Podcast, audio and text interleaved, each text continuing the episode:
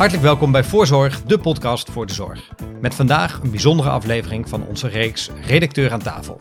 Diverse journalisten van Skipper en Zorgvisie blikken terug op het belangrijkste nieuws en de meest opvallende ontwikkelingen waar zij afgelopen jaar over hebben geschreven. In duo's schuiven ze aan bij hoofdredacteur Simon Broersma om het zorgjaar 2021 te bespreken.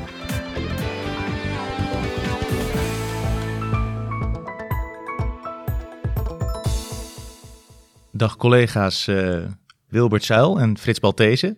Uh, goed dat jullie er zijn. We zitten hier zo in de laatste dagen van het, uh, van het jaar. En we kijken ook met jullie even terug op, op wat er nou is opgevallen in het afgelopen jaar. Um, om met jou te beginnen, Wilbert. Wat is, wat, wat, is, wat is jou, voor jou persoonlijk het, het, het mooiste verhaal geweest dat je hebt geschreven? Ik denk dan vooral aan eigenlijk de uh, reeks verhalen die ik heb gemaakt over uh, technologie in de zorg. Uh, natuurlijk niet helemaal nieuw, maar um, nou ja, het ontwikkelt zich steeds meer. Uh, je ziet dat instellingen wel steeds meer echt vastpakken, onderzoeken hoeveel nut het heeft. Ook kijken van nou ja, welke technologie werkt wel, welke niet. Um, en dat is wel, ja, dat, dat is natuurlijk heel belangrijk voor, voor de toekomst. Uh, het heeft ook zoveel uh, potentie in theorie. Dus dat vind ik altijd wel het meest interessante eigenlijk. Het is een beetje toekomstgericht. Uh, maar dat is wel, ja, daar denk ik wel het meeste aan terug. En ik denk dat dat de komende jaren ook nog wel het meeste... Dat is toch iets wat, wat blijft, hè? De, op de een of andere manier moeten we innoveren in de Precies, zorg. ja. Dus, ja, dus ja, wat is nou echt de golden bullet, zeg maar? Ja, misschien zit hij er wel tussen. Hopelijk. Dus, ja. Hopelijk wel, hè? Want we hebben nog wel een opgave te gaan. Frits, hoe uh, is dat voor jou? Welk, uh, welk verhaal staat jou het meeste bij? Ja, ik denk aan vorige week met het, de presentatie van de coalitieakkoord.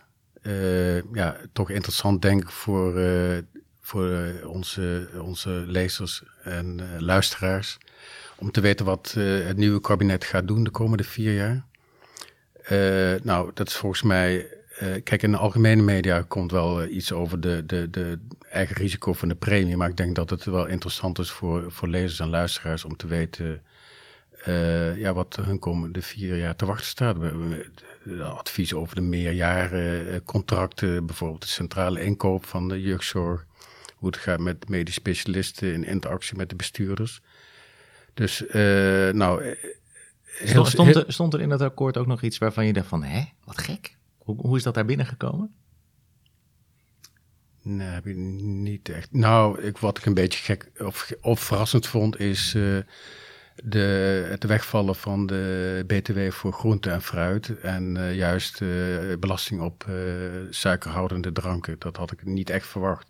Want er wordt er zo lang over gesproken. Ja, de preventielobby ja, is al lang bezig eigenlijk. En, en eindelijk krijgen ze dus ook op die plekken ja, voet aan de grond. Eindelijk gebeurt er structureel iets, zou je zeggen. Ja. Waar jullie uh, beide best veel over schrijven, uh, dat zijn meer de financieel-economische onderwerpen, hè? De, de, mhm. jaarrekeningen, de contracteringen. Uh, hoe, hoe, was dat dit jaar om te doen? Het is een bijzonder jaar, hè? Het is de eerste echte duidelijke effecten van, van het coronajaar 2020. dus dan zie je echt ja, onder de streep wat het met ziekenhuizen en, en in de zorginstellingen doet eigenlijk. Uh, ja, dat heeft best wel een effect gehad. Ja, voor, de sommige, sommige instellingen heeft dat natuurlijk weinig effect gehad. Uh, sommige die, uh, nou, die, die hebben het best wel goed gedaan hè, in, in 2020. Weinig zorgen eigenlijk. En een paar, daar gaat het wel wat minder mee. Dus, ja, en dan hebben we het bijvoorbeeld met name over die kleinere ziekenhuizen. De, de, de algemene ziekenhuizen ja, vooral die, die daar last van hebben. Ja. ja, ik denk ook dat het te maken heeft met hoe groot, is je, uh, hoe groot zijn je onderhandelingsvaardigheden en de discussies met de zorgverzekeraars. Want het is altijd discussie, hoeveel vergoeding krijg je, wat wordt de compensatie. En uh, je ziet heel duidelijk, vind ik, dat het ene ziekenhuis dat beter doet dan het andere, of de GGZ-instelling. Maar heeft dat, heeft dat niet ook te maken met uh, hoe belangrijk jij bent in een bepaalde ja, regio? Dat denk ik ja, wel. hoeveel ja. macht heb je eigenlijk om te onderhandelen? Ja. En als klein ziekenhuis is dan, nou, in, in een bepaalde regio is dat gewoon. Ja, precies. In Rotterdam heb je zeven ziekenhuizen. Nou, dat zijn natuurlijk niet alle zeven ja. even belangrijk. Dus uh, de ene telt iets meer het onderspit dan de andere. Ja, en dan zie je ook dat een uh, Icasia en Spijkenisse, die hebben er echt wel moeite mee. Oh, die hebben nog steeds niet. Uh, ja, op het moment dat wij het hierover hebben, hebben ze het nog niet ingeleverd, het jaarverslag. Dus uh, ja. De deadline is al geweest, hè? De deadline is geweest, die kan opgerekt worden. IGJ die, uh, die kijkt ernaar, maar dat, dat valt allemaal uh, goed. daar kun je het over hebben met IGJ, dus dat, ja. daar kun je gewoon later inleveren, ja. als, het, als dat moet. Um, maar dan, dat, ja, dat is wel... Die hebben daar gewoon last van. Ja, en een paar kilometer verderop, Erasmus MC heeft het fantastisch gedaan, financieel. Eigenlijk opvallend, hè? Dat in, een, in een jaar waarin zoveel gezegd wordt... we moeten dit uh, dit coronabeest met z'n allen temmen door samen te werken, uh, dat er dan op financieel gebied eigenlijk het best wel grote verschillen staan, ja. ontstaan in de, in ja. de vergoedingen, in de, in de, jaren, de jaarstukken. Ja, zeker. Je ziet ook bij in het GGZ met Pranassia, die enorm of allerlei dingen nog aan het onderhandelen is met de verzekeraars. Dat het best wel, het gaat om grote bedragen daar. Ja, verzekeraars willen daar iets realiseren, denk ik. En ehm, ja, dan, dan zijn die gesprekken moeilijker dan bij andere GGZ-instellingen, waar, waar, al, waar al in april of mei een jaarverslag lag, waar alles al was afgerond. Ja, als jullie kijken naar, uh, naar komend jaar, gaan we daar dan nog een, uh, een verschil in zien? Of uh, denken jullie dat, dat, um, ja, dat, het, dat het hetzelfde blijft? Dat de grote machtspartijen, de grote partijen in een regio, dat die ehm, hun zaken ook financieel weer goed op, uh, voor elkaar hebben, maar dat de kleintjes toch blijven bungelen? Of zullen ze daar, zal daar een, eh, een andere oplossing voor komen? Ja, volgens mij wordt daar um, nog altijd over, over gesproken eigenlijk. Hè? Uh, het, het, je ziet dat nu nog wordt gesproken over 2020 eigenlijk. Dus die ziekenhuizen, sommige ziekenhuizen hebben een beroep op de hartijsclausule gedaan. Het kan nog steeds veranderen eigenlijk. Dus wat, wat, wat ik daar wel eens zie is... de um, de tendens om niet van tevoren even iets uh, solide te maken, iets robuust, om ervoor te zorgen dat die ziekenhuizen echt niet meer die zorgen hebben. Um, maar uh, nou ja, om, om, best wel iets fragiels te maken. Uh, en dan blijkt dat je na de hand, er moet er weer over onderhandeld worden. Er heeft een financieel directeur weer slapeloze nachten. En dan moet er alle, moet naar de hand weer alle, alles geregeld worden om ervoor te zorgen dat zo'n ziekenhuis nou financieel alles een beetje op orde blijft uh, hebben. Ja, en die, laten we hopen dat het voor komend jaar dat het iets, uh, iets beter uh, vormgegeven wordt.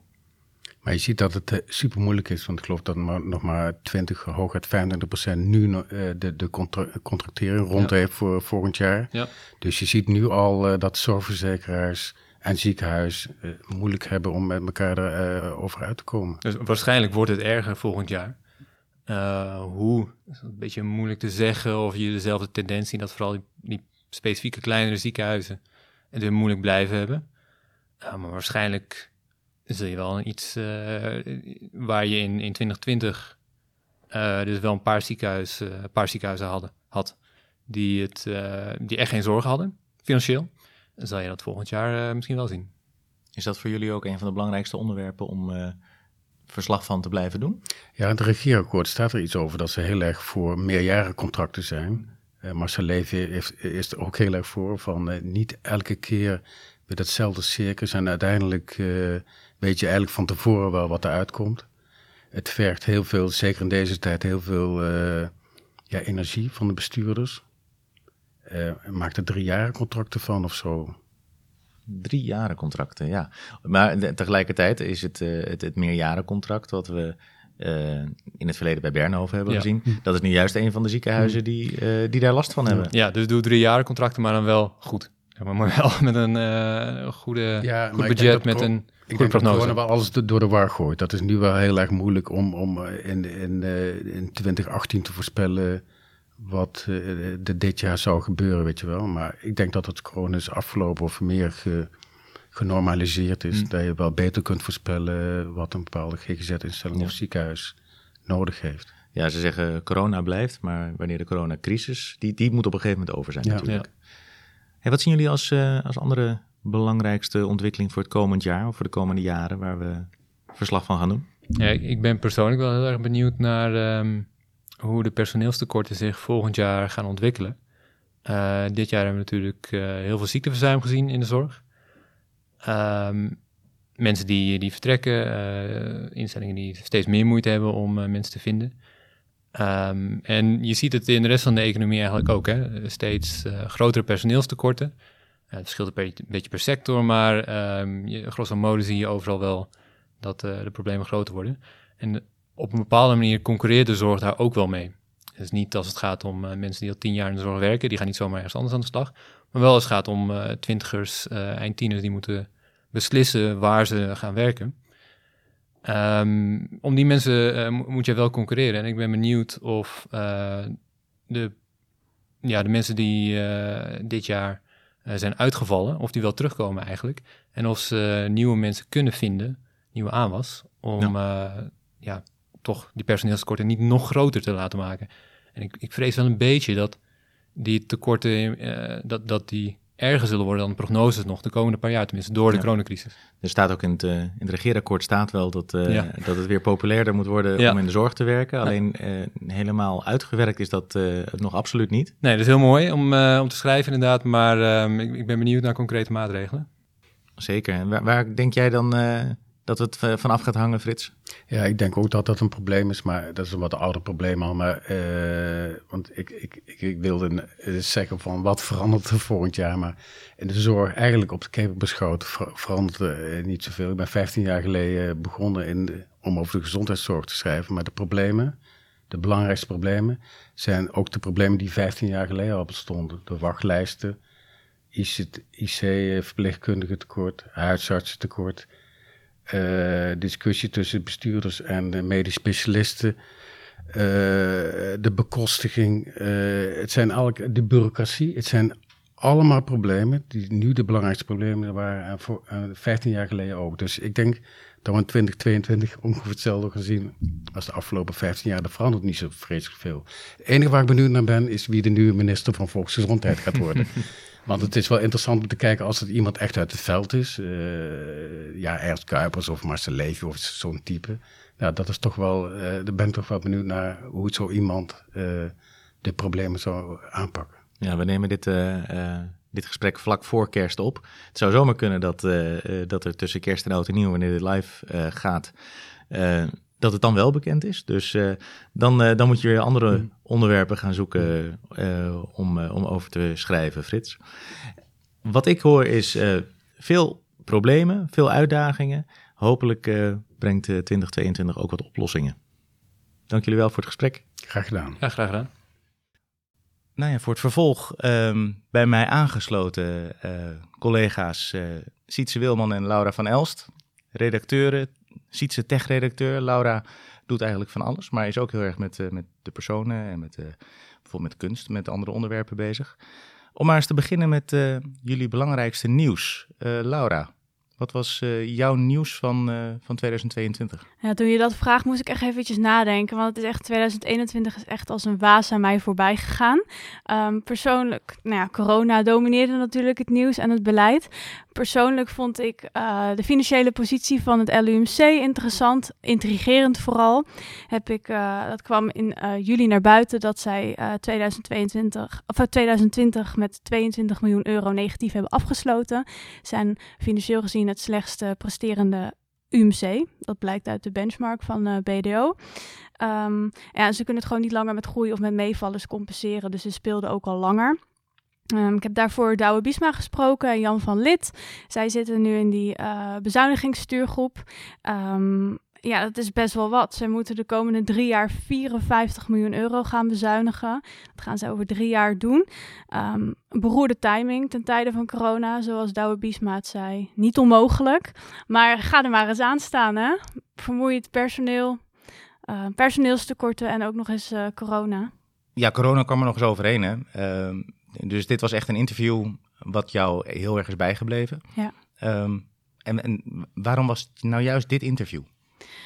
Het kwam in juli naar buiten, maar ze wisten het al veel langer. Voor corona al wilden ze een aanzet maken om het in drie waves, als het ware, uh, ja, financieel weer recht te trekken. Maar corona kwam erbij. Ze hebben wel een aanzet gemaakt, een plan. Uh, maar dat is niet echt van de grond gekomen, omdat corona alle aandacht uh, opeiste. Ehm, maar uitstellen kon nu ook niet meer, dus het moest nu ook wel echt. Dit jaar moest het in gang gezet worden, de bezuinigingen. Nee, en dat kwam ook echt door, uh, dat klonk ook echt door in dat, in dat verhaal, hè? Dat, dat ze eigenlijk gewoon niet anders konden. Ja, het was ook echt een optel som van factoren hoe het nu komt dat ze inderdaad uh, eh, 54 miljoen euro moeten gaan snoeien in de uitgaven. Er moet flink gesnoeid worden. Ja. Uh, Sietse? Ja. Hoe, uh, wat, wat was jouw belangrijkste nieuws van het afgelopen jaar? Nou, ik heb dan wel even ingezoomd op mijn eigen ja, vakgebied waar ik veel over schrijf, de technologie en digitalisering van de zorg. En heb ik uiteindelijk gekozen voor de invoering van de corona-check, oftewel de corona-pas, omdat ik het toch wel heel ja, bijzonder vind dat er gewoon ineens een app is ontwikkeld door de overheid in zo'n korte tijd, die ook technisch gezien prima werkt. Nou, dat is al nieuws op zich. En, ja, en die ook gewoon zo'n grote impact heeft. En het ook heel duidelijk laat zien dat die technologie vaak wel werkt, maar dat het vooral ook afhankelijk is van hoe gaan wij er als mensen mee om. Ja, en dat is sowieso iets wat, wat in jouw vakgebied heel erg uh, speelt. Hè? Technologisch kunnen we van alles. Ja. Maar kan men uh, de, de mensen in de zorg, de, mensen, de patiënten, cliënten of medewerkers of zorgprofessionals, kunnen die ook met die technologie omgaan? Wordt het, ja, wordt het omarmd? Ja, ja nee, zeker. En, en dit speelt natuurlijk niet alleen in de zorg, maar in de hele maatschappij. Dat sommige mensen er echt, uh, echt principiële bezwaren tegen hadden, er niet mee wilden doen. Je hebt natuurlijk, de, je hebt natuurlijk de hele discussie gehad over uh, 2G, 3G, 1G, uh, et, et cetera. Uh, valse codes die gemaakt werden. Uh, werd, werd, er nou gecontroleerd op je, op je geboortemaand of niet? Ja, dus bij, bij de uitvoer, de menselijke kant ervan, die is eigenlijk altijd dan de, de zwakke plekken. Dat vind ik, vind ik interessant. Zeker. En bedoel, het was maatschappij breed was dit een, een, een issue natuurlijk. Dus breder dan alleen de zorg. Maar ook de zorgbestuurders hadden hier wel een mening over, toch? Ja, zeker. Dat, dat speelde echt, echt overal in alle, alle geledingen. En dat, is, uh, ja, dat vind, ik, vind ik heel boeiend om, om te volgen. En sowieso is er ongelooflijk veel gebeurd afgelopen jaar. Nou ja, in, in de hele wereld kan ik wel zeggen, maar ook zeker in de zorgwereld en ook zeker op het gebied van techniek in de zorg. Ja, als, als we nou even uh, meer weer naar jullie uh, persoonlijke ervaringen van het afgelopen jaar gaan. Wat is nou voor jou, Sietse, een, um, een verhaal wat je echt is bijgebleven, wat je hebt geschreven? Um, nou, dan moet ik vooral denken aan een verhalenreeks die ik heb gemaakt over uh, uh, digitale toegankelijkheid en inclusie in de zorg. Ik ben dat begonnen vanuit het idee van, we zien zeker in de tijden van corona dat de zorg digitaliseert, maar ook dat niet iedereen daarin mee kan. En dan kijken we naar patiënten, daar heb ik me tenminste op gericht. Hè, van, heeft iedereen wel genoeg digitale vaardigheden, taalvaardigheden en, en apparaten om daar gebruik van te kunnen maken? Maar ook binnen de zorg uh, speelt dat natuurlijk. Hè. De zorgmedewerkers eigenlijk allemaal wel genoeg uh, kennis ervan en snappen ze het goed genoeg en kunnen ze ermee werken om ook de patiënten ermee te helpen. Zeker, ja, het, het klinkt eigenlijk uh, voor jou als tech-redacteur klinkt het helemaal niet als een extreem hard tech-onderwerp. Het is juist een heel menselijke kant. Laura zou het eigenlijk ook net zo goed vanuit haar invalshoek kunnen maken. Ja, dat zou inderdaad kunnen, want ik zit meer op de menselijke kant inderdaad. Ik schrijf dan een serie over duurzaamheid in de zorg en uh, kunst in de zorg, wat dat voor een impact heeft op uh, welzijn. Dus minder de harde cijfers inderdaad. Het is misschien iets abstracter, iets gevoelsmatiger. Um, ja. Ja, maar ik denk, ik denk dat juist die, die menselijke kant doorslaggevend gaat zijn. En wat we ja. net al zeiden, ik, ik, ik kom eigenlijk nooit iemand tegen die ik spreek die zegt, ja, we willen iets heel graag en we zitten er echt op te wachten, maar technologisch krijgen we het niet voor elkaar. De zorg loopt ook zo ver achter dat de techniek eigenlijk al, al lang klaar is. Alleen het lukt maar met heel veel moeite om dat ook echt te gebruiken en te integreren en uit die pilotfase te halen als het al een keer lukt. Dus dat is, uh, ja, dus dat is wat ik heel erg belangrijk en interessant vind. Om ook echt mensen mee te krijgen. Ja, hoe, ja hoe, hoe, zorg je ervoor dat je het ook echt gebruikt wat voor bedoeld is? Uh, hoe krijg je uh, het voor elkaar dat als je iets aanschaft, dat het niet alleen maar meer werk oplevert, uh, of dat mensen denken van ja, ik snap het niet, ik laat het terzijde, ik schuif het terzijde en ehm, kom maar volgend jaar met iets nieuws. Dat vind ik er ook heel interessant aan. heb je een, een, een voorbeeld van ja, zo'n zo'n technologisch, technologische vernieuwing van het afgelopen jaar, waar je een verhaal over hebt geschreven, wat wel echt gelukt is? Om, om, om dat echt breed gedragen in de maatschappij te krijgen. Los dan even van de, de check-app. Ja, uh, zeker. Ik, ik, ik, verwacht eigenlijk dat je ging zeggen, even los van het beeldbellen. Want dat is natuurlijk ook enorm uh, in, uh, nou, in opkomst, dan laten we die er ook in, in opkomst geraakt. Maar dat is inmiddels bijna een soort cliché om als voorbeeld te noemen. Nou, ik ben nu bezig met een reeks over thuismonitoring van patiënten. Dat heeft ook echt een ontzettende vlucht genomen. Ik denk dat zeker de helft van de ziekenhuizen op dit moment daar gebruik van maakt. Dus monitoren op afstand en niet alleen coronapatiënten, maar ook bijvoorbeeld uh, uh, grieppatiënten. Daarmee kun je echt mensen ofwel eerder uh, uit het ziekenhuis halen en thuis verder laten herstellen, ofwel ervoor zorgen dat ze überhaupt niet in het ziekenhuis belanden. Nou, we zijn natuurlijk al langer bezig met een hele ja, operatie, zou ik haast zeggen, om mensen uit het ziekenhuis te houden. En ja, dit is daar bij uitstek geschikt voor. En daar zijn enorme stappen mee gemaakt. Ja, nou, daar, daar gaan we ongetwijfeld komend jaar, de komende jaren nog veel meer over horen. Ja, zeker. En, en wat mij betreft de komende weken ook, want ik heb nog wat, uh, nog wat dingen op mijn lijstje staan. Ah, nou, daar, daar kan niet wachten om die dan uh, ook te horen. En, uh, en dat je die ook deelt met, met onze kijkers, luisters en, luisteraars en lezers. Um, Laura. Simon. Jij, we hebben het nu meer over de, de, de, de techniekkant, de technologie jij zat echt helemaal aan de andere eind van het spectrum, hè? Met, met een, een kunst, uh, kunstserie, kunstrubriek. Ja. Waarom heb, waarom heb je daarvoor uh, gekozen om dat uh, zo naar voren te halen? Nou, persoonlijk kwam het gewoon op mijn pad. Het begon met één verhaal uh, wat ik toegestuurd kreeg, wat ik heel erg interessant vond. En ik sprak gewoon, de ik hoorde die bevlogenheid. Als mensen het over kunst hebben, bestuurders, um, zijn ze ontzettend, doen ze dat met hart en ziel. Ze zetten zich er echt voor in, ze geloven er echt in. Um, en ik, ja, via via eh, webinar gevolgd kwamen er veel meer verhalen, initiatieven vanuit allerlei branches uh, op mijn pad. Van de GGZ tot de gehandicaptenzorg, de ouderenzorg.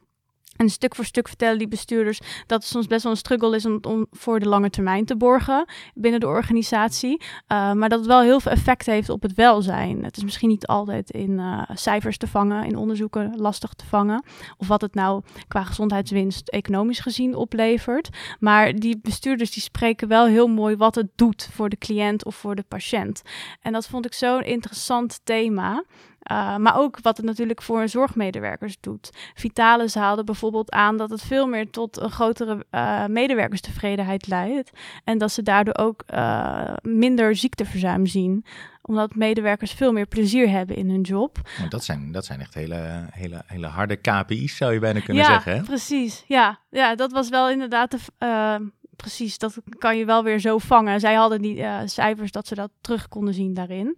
Um, en bijvoorbeeld eh, is ook onderzoek gedaan, als je het hebt over Radboud UMC is daarmee begonnen, uh, met kunstonderwijs om de diagnostische vaardigheden van uh, ja, medisch specialisten te verbeteren, van geneeskundestudenten. Dat hebben ze ingezet en daar zien zij ook verbeteringen in. Er is promotieonderzoek naar gedaan. Dus ook daarin zie je dat de diagnostische vaardigheden door kunst analyse, kunstobservatie tot uh, betere diagnostische skills en tot meer empathie leidt. Dat was een leuk neveneffect. Dit is uh, eigenlijk veel uh, groter en meer omvattender dan wat je zou denken als je begint aan een, een, een serie over kunst in de zorg. Ja, het begon met iets leuks gewoon, uh, iets positiefs in coronatijd. En het leidde inderdaad tot echt een heel palet aan, aan verschillende mogelijkheden waar het ingezet voor kan worden. En welke voordelen het heeft. Inderdaad niet alleen leuk voor de patiënt of voor de cliënt, maar ook gewoon inderdaad voor de medewerkers. Dat ze zowel meer plezier hebben in hun werk als bijvoorbeeld de specialisten die daardoor uh, ja, hun vaardigheden verfijnen. Ja, ik vind het een heel interessant. Volgens mij gaan we er uh, buiten de podcast om nog, uh, nog verder over hebben. Um, voor nu moeten we het iets, iets compacter houden. Um, waar ik heel erg benieuwd naar ben, en, en, misschien stuur ik je er een beetje, dus je mag het ook zeggen dat het anders is.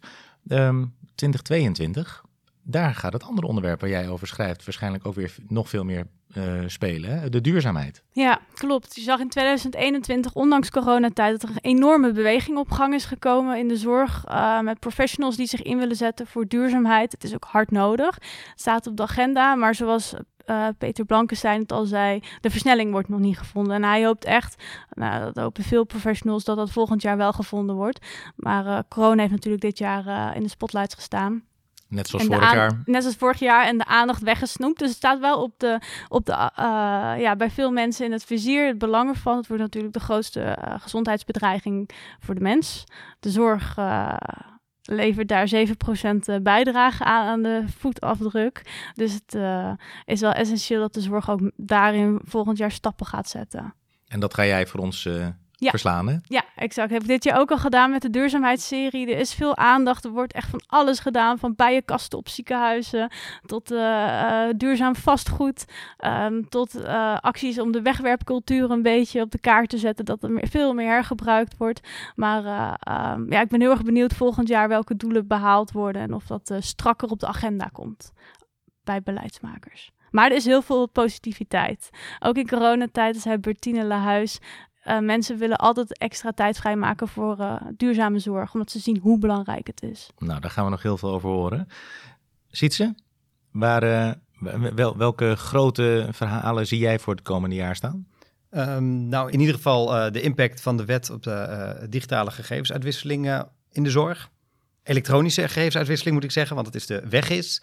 Uh, ja, die zit er uh, al een tijdje aan te komen. Ik verwacht, ik gok, moet ik eerlijk zeggen, dat die komend jaar wel zal komen. Dus ik ben benieuwd uh, hoe dat op de lange termijn gaat uitwerken. En waar ik zelf ook heel benieuwd naar ben, is hoe houden we de zorg ook ehm, digitaal veilig?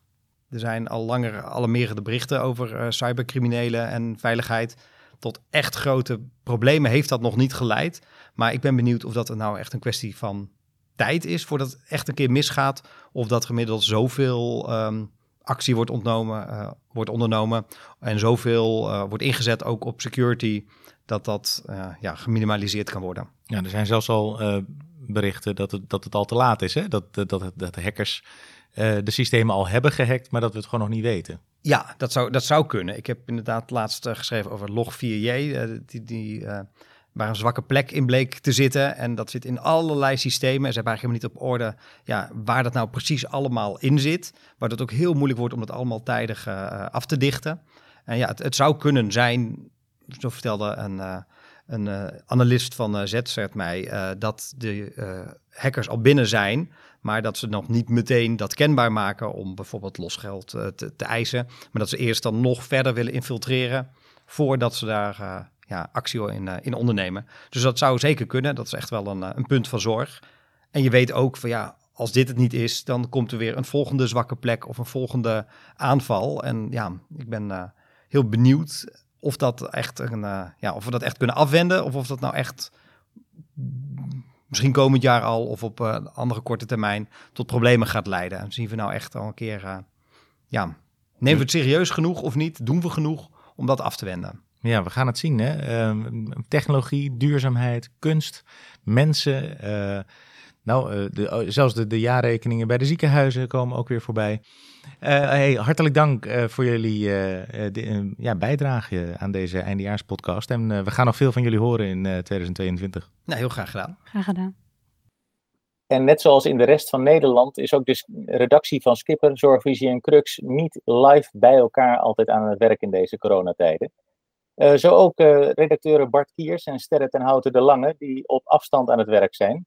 Maar uh, ook via deze digitale snelweg kunnen we nog met elkaar praten over het mooie, mooie jaar 2021, het bijzondere jaar 2021.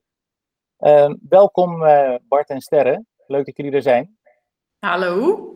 Dag Simon. Jullie weten dat ik een, een, rondje over de redactie aan het maken ben met de mooiste waardevolste, de meest bijzondere en misschien ook wel niet zulke mooie momenten van 2021. Um, misschien om met jou te beginnen, Bart. Uh, wat was voor jou het moment, jouw persoonlijke moment van het afgelopen jaar?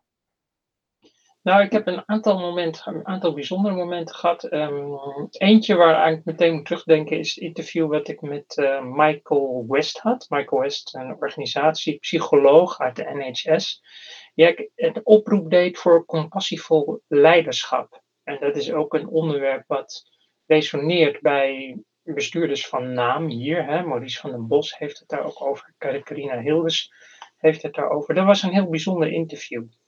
En wat maakt het nou dat dat, dat interview je zo bijblijft? Ja, dat komt door de persoonlijkheid van Michael West. Hij kan er heel bevlogen over praten en hij kan heel goed duidelijk maken dat uh, bestuurders die compassie als kernwaarde hebben, dat dat aansluit bij de, wat mensen op de werkvloer doen. In de coronacrisis zie je ook uh, dat um, zie een opwelling van compassie bij de mensen in de zorg om anderen te, te helpen. En als je als bestuurder daarbij aansluit, dus als je een bestuurder bent die heel goed luistert naar mensen, die empathie toont bij de antwoorden, die obstakels wegneemt, dan doe je het goed. En dat noemt hij dus compassievol leiderschap. En daar hebben ze binnen de NHS een heel programma op, opgezet. En teams die zo werken, die presteren ook beter. Dat is wel uh, bijzonder. En dat is in normale tijden, maar ik kan me ook voorstellen dat in, in tijden van crisis, waarin we nu ook zitten, dat, dat het dan ook van meerwaarde is. het is de motor waar die mensen uh, gaande houdt. Hè, dat ze steeds bij stilstaan waar ze het ook alweer voor doen. Om Zeker. Anderen, om anderen te, te helpen. En ja, voor mensen die onder ongelooflijke druk staan, eh, al heel lang, is dat, heel, heel, is dat essentieel. Zeker. Sterre, als je dit zo hoort, heb je, schiet er dan bij jou ook een, uh, een interview uh, door je hoofd waarvan je zegt, hey, dat was echt een heel bijzonder interview? Uh, nee, maar wat ik wel, waar het me gelijk aan doet denken, is de trends die we zien in de Skipper 99, die nu net uit is. dat er Samira die zei, we gaan echt weer terug naar de kern, naar zorgen. Professionals worden ook veel meer naar voren geschoven om het woord te doen. en hun professionaliteit krijgt steeds meer ruimte. dus dat hoor je eigenlijk terug. Ja, en dat zit ook echt in de kern van de, van de professional, hè? dat compassievol leiderschap. Dus misschien is het medisch leiderschap en het verpleegkundig leiderschap, zijn dat wel de, de vormen waar het uh, compassievol leiderschap zich in manifesteert. Mooi. Uh, Sterre, als ik jou dan uh, uh, toch even aan het woord heb. wat is voor jou de belangrijkste gebeurtenis in de zorg van het afgelopen jaar? Nou, corona lijkt mij vrij belangrijk. Ehm, we hebben daar denk ik als redactie heel veel over geschreven, maar um, daar zullen mijn collega's meer over vertellen. Um, ja, ik heb zelf me vooral bezig gehouden met de GGZ en de jeugdzorg. In het begin van het jaar heb ik met eigenlijk de belangrijke actoren in de GGZ gekeken naar wat het effect is geweest van het bestuurlijk akkoord GGZ. Ehm, en later in het jaar heb ik, met, heb ik meegekeken met de voorbereiding voor eigenlijk een vergelijkbaar akkoord uh, wat nu gemaakt wordt in de jeugdzorg. Ja, en wat me een beetje opviel, was dat ik er een beetje teleurgesteld uitkwam. Het bestuurlijk akkoord GGZ heeft in drie jaar redelijk weinig opgeleverd. Hoewel er ontzettend hard gewerkt wordt om de wachtlijsten in de GGZ op te lossen en de werkdruk weer naar een beetje normale stand te krijgen. En hoewel er dus keihard aan getrokken wordt, blijven die wachtlijsten lang. En in de jeugdzorg wordt ook al heel lang moord en brand ge geschreeuwd. De kinderen krijgen niet de hulp die ze nodig hebben. Het is ontzettend duur, maar het komt niet terecht bij de kinderen die het het hardst nodig hebben. En daar zijn ze dus ook heel hard aan het werk om dat te verbeteren. En ook daar blijkt het gewoon traag, stroperig, moeilijk te zijn om echt effect te krijgen. Um, ja, bij de, bij, degene, bij de patiënten, bij de, bij de cliënten, bij de jongeren. Dus ja, als ik terugkijk op 2021 ben ik ook een klein beetje teleurgesteld in, um, ja, in wat een regering kan doen, wat een veld kan doen, ook al willen ze allemaal hetzelfde. Dus dat, ja. Uh, ja, dat is een beetje een bijsmaak die ik van 2021 uh, overhoud. Maar dat was het niet dat, dat, dat ze een demissionaire staat hebben, hè? Nee, over heel veel dingen kunnen ze op dit moment niet beslissen, inderdaad gelukkig uh, staan, uh, komt 2022, uh, ja, er komt meteen een nieuwe, nieuwe formatie, een nieuwe regering komt daar aan de start. ja, dus die, misschien dat er in het komende jaar meer gedaan kan worden. Kan het er ook aan liggen, hebben gelegen dat, dat ook in 2021, net zoals het jaar daarvoor, eigenlijk VWS volledig een, een, in een soort crisismodus was en volledig gericht was op die bestrijding van het uh, coronavirus. Dat er eigenlijk te weinig uh, tijd en aandacht overbleef voor uh, structurele verbeteringen. Ja, tuurlijk. En bij elke brief zeiden ze van dit is, we kunnen geen, geen, geen knopen doorhakken. Dit gaat een volgend, een volgend kabinet doen. Maar in de jeugdzorg hebben ze wel zo'n tafel gemaakt die het voorbereidt allemaal. Hè? Dus dat, dat dacht ik van nou, daar gaat wel wat dan ligt er al wat klaar. Kunnen ze snel mee aan de slag. Zeker, en wat dat betreft 2021, uh, of 2022 wordt het jaar van de jeugdzorg. Want uh, gelijk aan het begin van het jaar is, als het goed is, uh, hun, hun visie, toekomstvisie voor de jeugdzorg klaar. En dan is het stappen maken, knopen doorhakken. Dus ja, ik kijk er naar uit. En we zagen in het coalitieakkoord ook al de eerste beslissingen daarover. Dus hopelijk gaat dat ja, gaat die wagen rijden, zeg maar. Ja, laten we dat, uh, dat hopen. Hè? Want daar is het wel echt heel nijpend. En de, de, de nood heel hoog om daar stevig op, op in te grijpen en, en stevige verbeteringen door te voeren. Ja. Bart, als ik jou dan nog even mag vragen. wat was op jouw verslaggevingsgebied, jouw vakgebied, het, het belangrijkste nieuws van het afgelopen jaar? Er waren een aantal dingen, maar laat ik er eentje uitpikken. Dat is in de wijkverpleging. Er zijn plannen voor een nieuwe bekostiging. Nou ja, daar zijn ze al vijf jaar mee bezig, dus heel nieuw is dat ook weer niet. Um, maar nu gaan ze een, een richting op waarvan uh, Jos de Blok in een interview zei dat wordt een ramp. En hij had in dat interview met, de, met, met hem had, had, had hij inhoudelijk uh, allemaal argumenten op, op een rijtje gezet die dat onderbouwden. Daarna had ik een interview met een NZA-directeur en die legde ik die inhoudelijke argumenten voor en daar had ze geen antwoord op eigenlijk.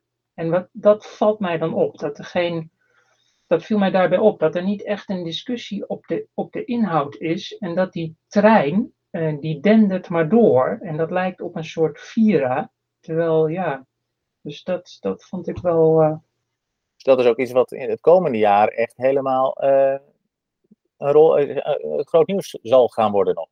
Ja, ja. Maar het is natuurlijk voor de wijkverpleging zou het veel beter zijn als, als, um, ja, als er ook geluisterd wordt um, als critici die er veel, veel verstand van hebben, dat dat, dat meeweegt.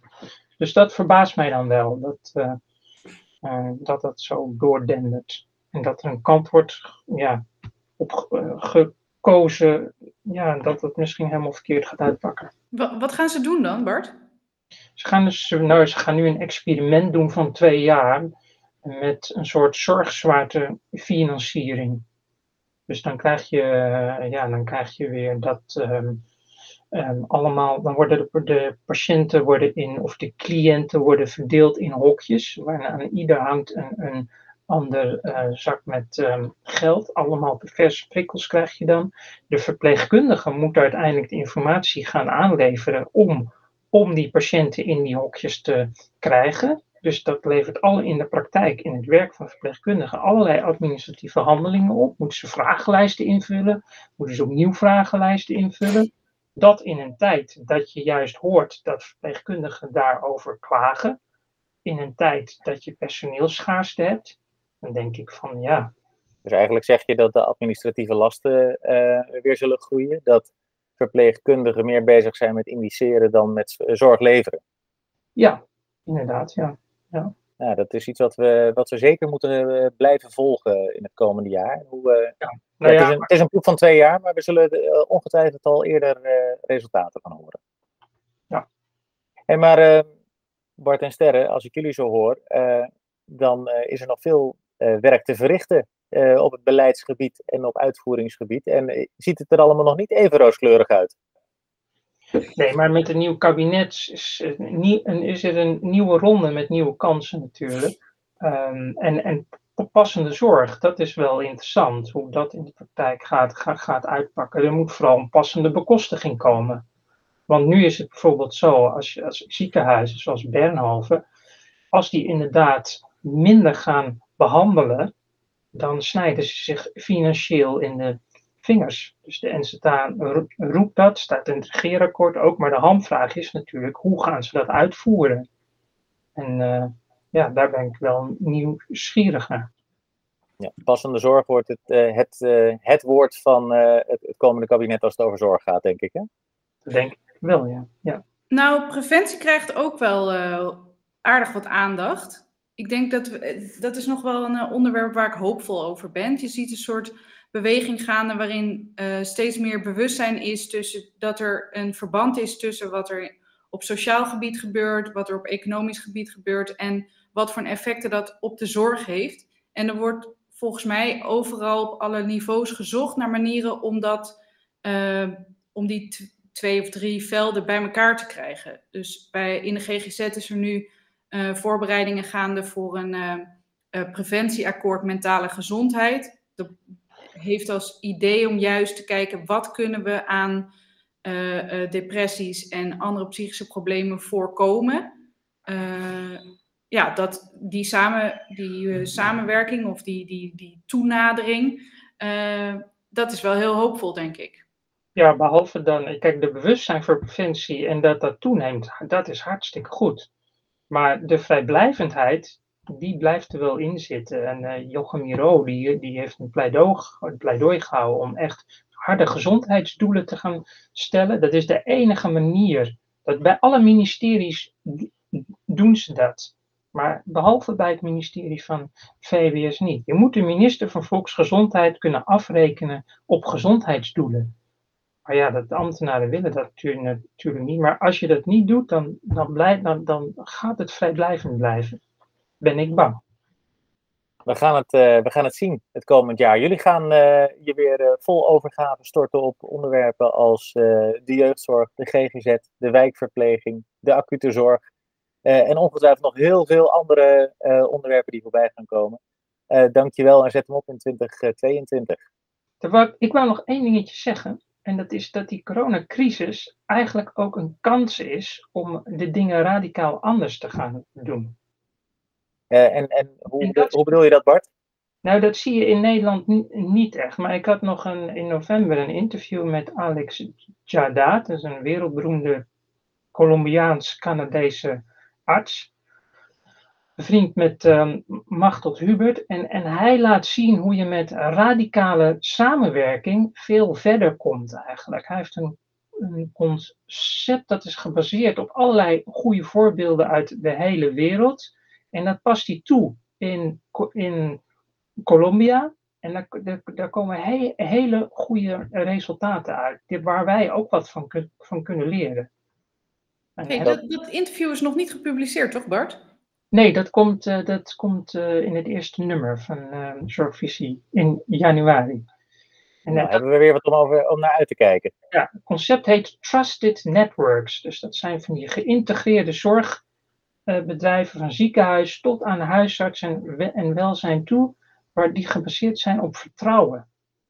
Nou, dat zou voor Nederland ook iets moois zijn als er meer vertrouwen is en, en, dingen echt samen doen. En dat eigen belang even wordt losgelaten. Laten we uh, met, met dit vertrouwen eindigen. Dankjewel uh, Bart Kiers en Sterre ten Houten de Lange voor jullie bijdrage aan deze eindejaarspodcast. Graag gedaan. Graag gedaan. Nou, en ook uh, bij mij aan tafel redacteur Lennart Bonaparte en adjunct hoofdredacteur Samira Ali. Welkom beiden. Leuk dat jullie er zijn. Um, ook jullie kijken even terug op het rumoerige en de, de achtbaan van 2021. Dus het rumoerige jaar. Um, Samira, wat, was, ja, wat is jou opgevallen aan het afgelopen jaar? Een heleboel. Wat een jaar, jongens. er is zoveel gebeurd dat ik echt af en toe moeite heb om, om het al, allemaal even op een rijtje te zetten. We zijn natuurlijk continu bezig geweest met de gevolgen van de coronacrisis. Aanhoudende gevolgen voor alle delen van de gezondheidszorg eigenlijk. We hebben een heleboel series gemaakt over onderwerpen die daaraan raken. Um, de financiële gevolgen voor zorgorganisaties. maar ook de enorme opgave die er nog altijd is aan inhaalzorg. We zijn nauwelijks um, nog begonnen, toch? we waren nog maar net begonnen toen de, de zoveelste, de vierde golf was het geloof ik, over de gezondheidszorg heen walste. En uh, allerlei vormen van andere zorg in allerijl opnieuw moesten worden teruggeschaald. Ja, we hebben onlangs is de Skipper 99 gepubliceerd. En daarvoor hebben we natuurlijk heel wat gesprekken gevoerd. En een van de mensen die daar, daarover spraken, die zeiden ook van ja, ik ben eigenlijk bijna kwijt welk jaar het is. Het gaat maar door, de ene golf naar de andere, 2021, 2020, het, het, het loopt zo in elkaar over. Ja, ik herkende dat enorm. Hij uh, stelde het zo. Uh, gewoonlijk heb ik een heel goed geheugen voor welk jaar, in welk jaar wat is uh, gebeurd. Ja, dat herken ik ook. Meestal hang je een jaar op aan een bepaalde gebeurtenis of aan een bepaalde ontwikkeling in je eigen leven. En de afgelopen twee jaar lijken, lijken heel sterk op elkaar. En nou ja, hij zei toen van ja, dat maakt het soms een beetje saaiig.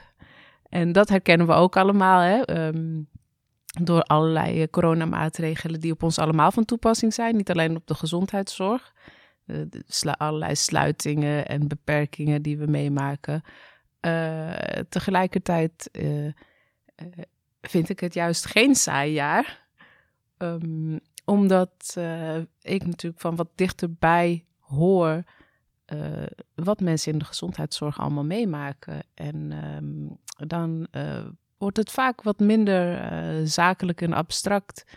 Uh, je hoort uh, heel vaak bestuurders met emotie in hun stem.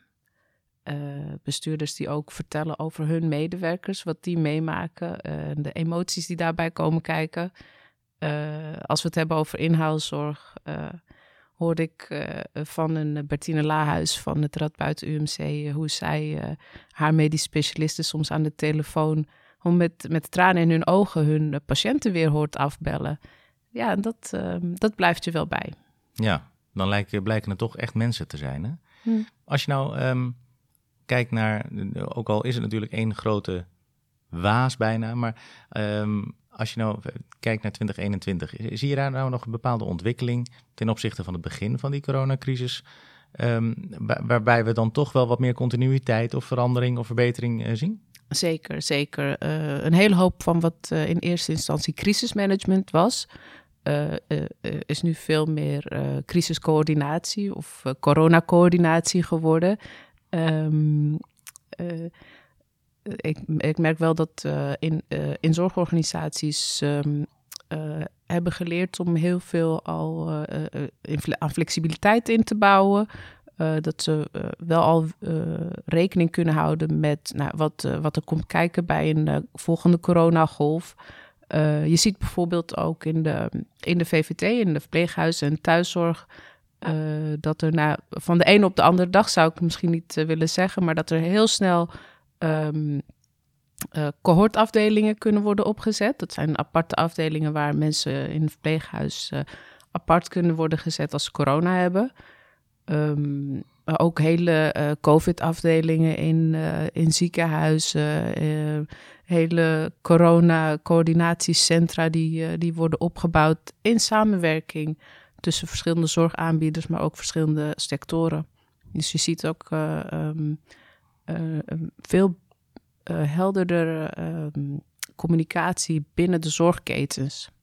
Ja, dat, is, uh, dat is toch iets wat we waarschijnlijk in uh, uh, 2022 nog meer gaan zien. Want we zijn er nog niet van de, van de coronacrisis af, hè? Zeker niet. En het is iets wat samenhangt met een ontwikkeling die daarvoor al is ingezet. Hè? Um, ketenzorg zou eigenlijk veel meer netwerkzorg moeten worden, vinden heel veel mensen in de, in de sector.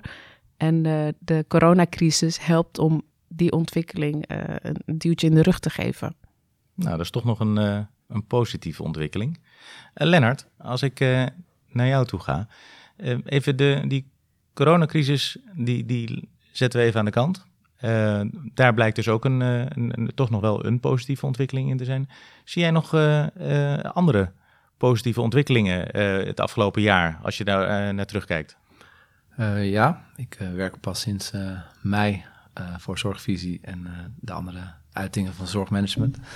En ik heb in die tijd al een aantal series uh, mogen schrijven. Uh, een daarvan die me echt is bijgebleven is, het gaat over zeg maar autonomie en verpleegkundige zeggenschap. Um, en ik heb gemerkt dat het is nog niet voldoende op de agenda, maar het staat wel een stukje meer uh, op de agenda. En allereerst omdat natuurlijk de Chief Nursing Officer, mevrouw Evelien Finnema, is aangesteld. En die heb ik ook gesproken. Maar ja, vanuit haar heb ik ook met, met andere mensen in, uh, functies gesproken, waarbij het steeds duidelijk werd hoe belangrijk het is om ook als RVB of RVT te luisteren naar de geluiden op de werkvloer. Dus vanuit de verpleegkundigen en verzorgenden. Ja, en is, is dat iets wat je, waarvan je zegt van hé, hey, dit, uh, dit is ook misschien dan toch wel weer door die coronacrisis, maar dat er veel meer de, naar die geluiden van de werkvloer geluisterd wordt? Ja, ik denk dat door de coronacrisis en ook thuiswerken en vooral uh, digitale oplossingen zoeken, um, de lijntjes allemaal wat dunner zijn geweest in 2020 en 2021. En dat mensen echt op zoek zijn gegaan naar manieren om uh, de zorg uh, te verbeteren. Maar ja, goed, als je het hebt over complexe patiënten- en organisatieproblemen, dan kun je niet zeg maar om de verpleegkundige heen, want die werken er dagelijks mee en die weten wat er aan schort. En dat kan je niet van bovenaf oplossen. Daarvoor moet je echt uh, je oor te luisteren leggen. Ja, misschien kun je het van bovenaf wel oplossen. Alleen maar dan moet je, wel weten wat er speelt. Ja, je moet, moet weten wat er speelt. Is dat ook iets wat, uh, en ik kijk ook even weer naar, uh, naar Samira. Uh, dat, dat zijn ook wel ontwikkelingen die we ook wel hebben teruggezien onlangs in de nieuwe publicatie van de Skipper 99.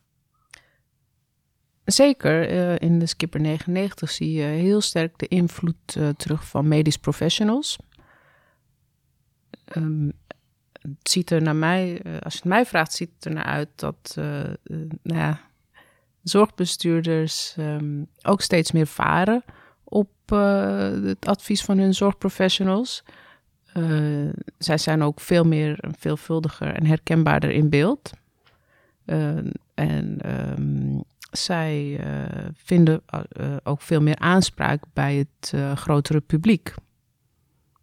Waar zorgbestuurders hun invloed veelal in de sector zelf laten gelden, zie je dat uh, artsen, de witte jas, om het maar even kort door de bocht te zeggen, uh, ook aanspraak vinden bij uh, het grotere publiek.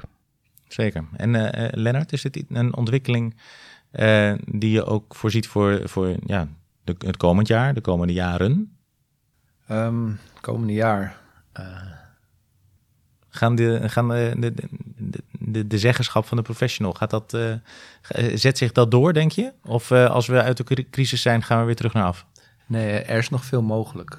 Dus ik denk dat er steeds meer mensen gaan opstaan, of met de juiste scholing, of met de juiste ervaring en achtergrond, om dan zeg maar die, die, die dat leiderschap te pakken vanuit de eigen functie.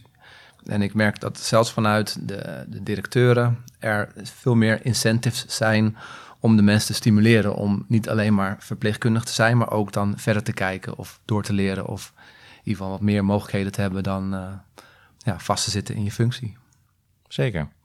Waar um, denken jullie uh, dat je in 2022 over gaat schrijven? Even een glazen bolletje. Um, moet ik even heel goed denken hoor. Wat uh, het komende jaar uh, natuurlijk als onderwerp sowieso uh, terug zal komen. Zoals ik al eerder zei, die netwerkzorg, die organisatie van netwerken, dat is natuurlijk een enorm complexe uitdaging. dat is een enorme complexe uitdaging, um, waarvoor wel heel veel animo is.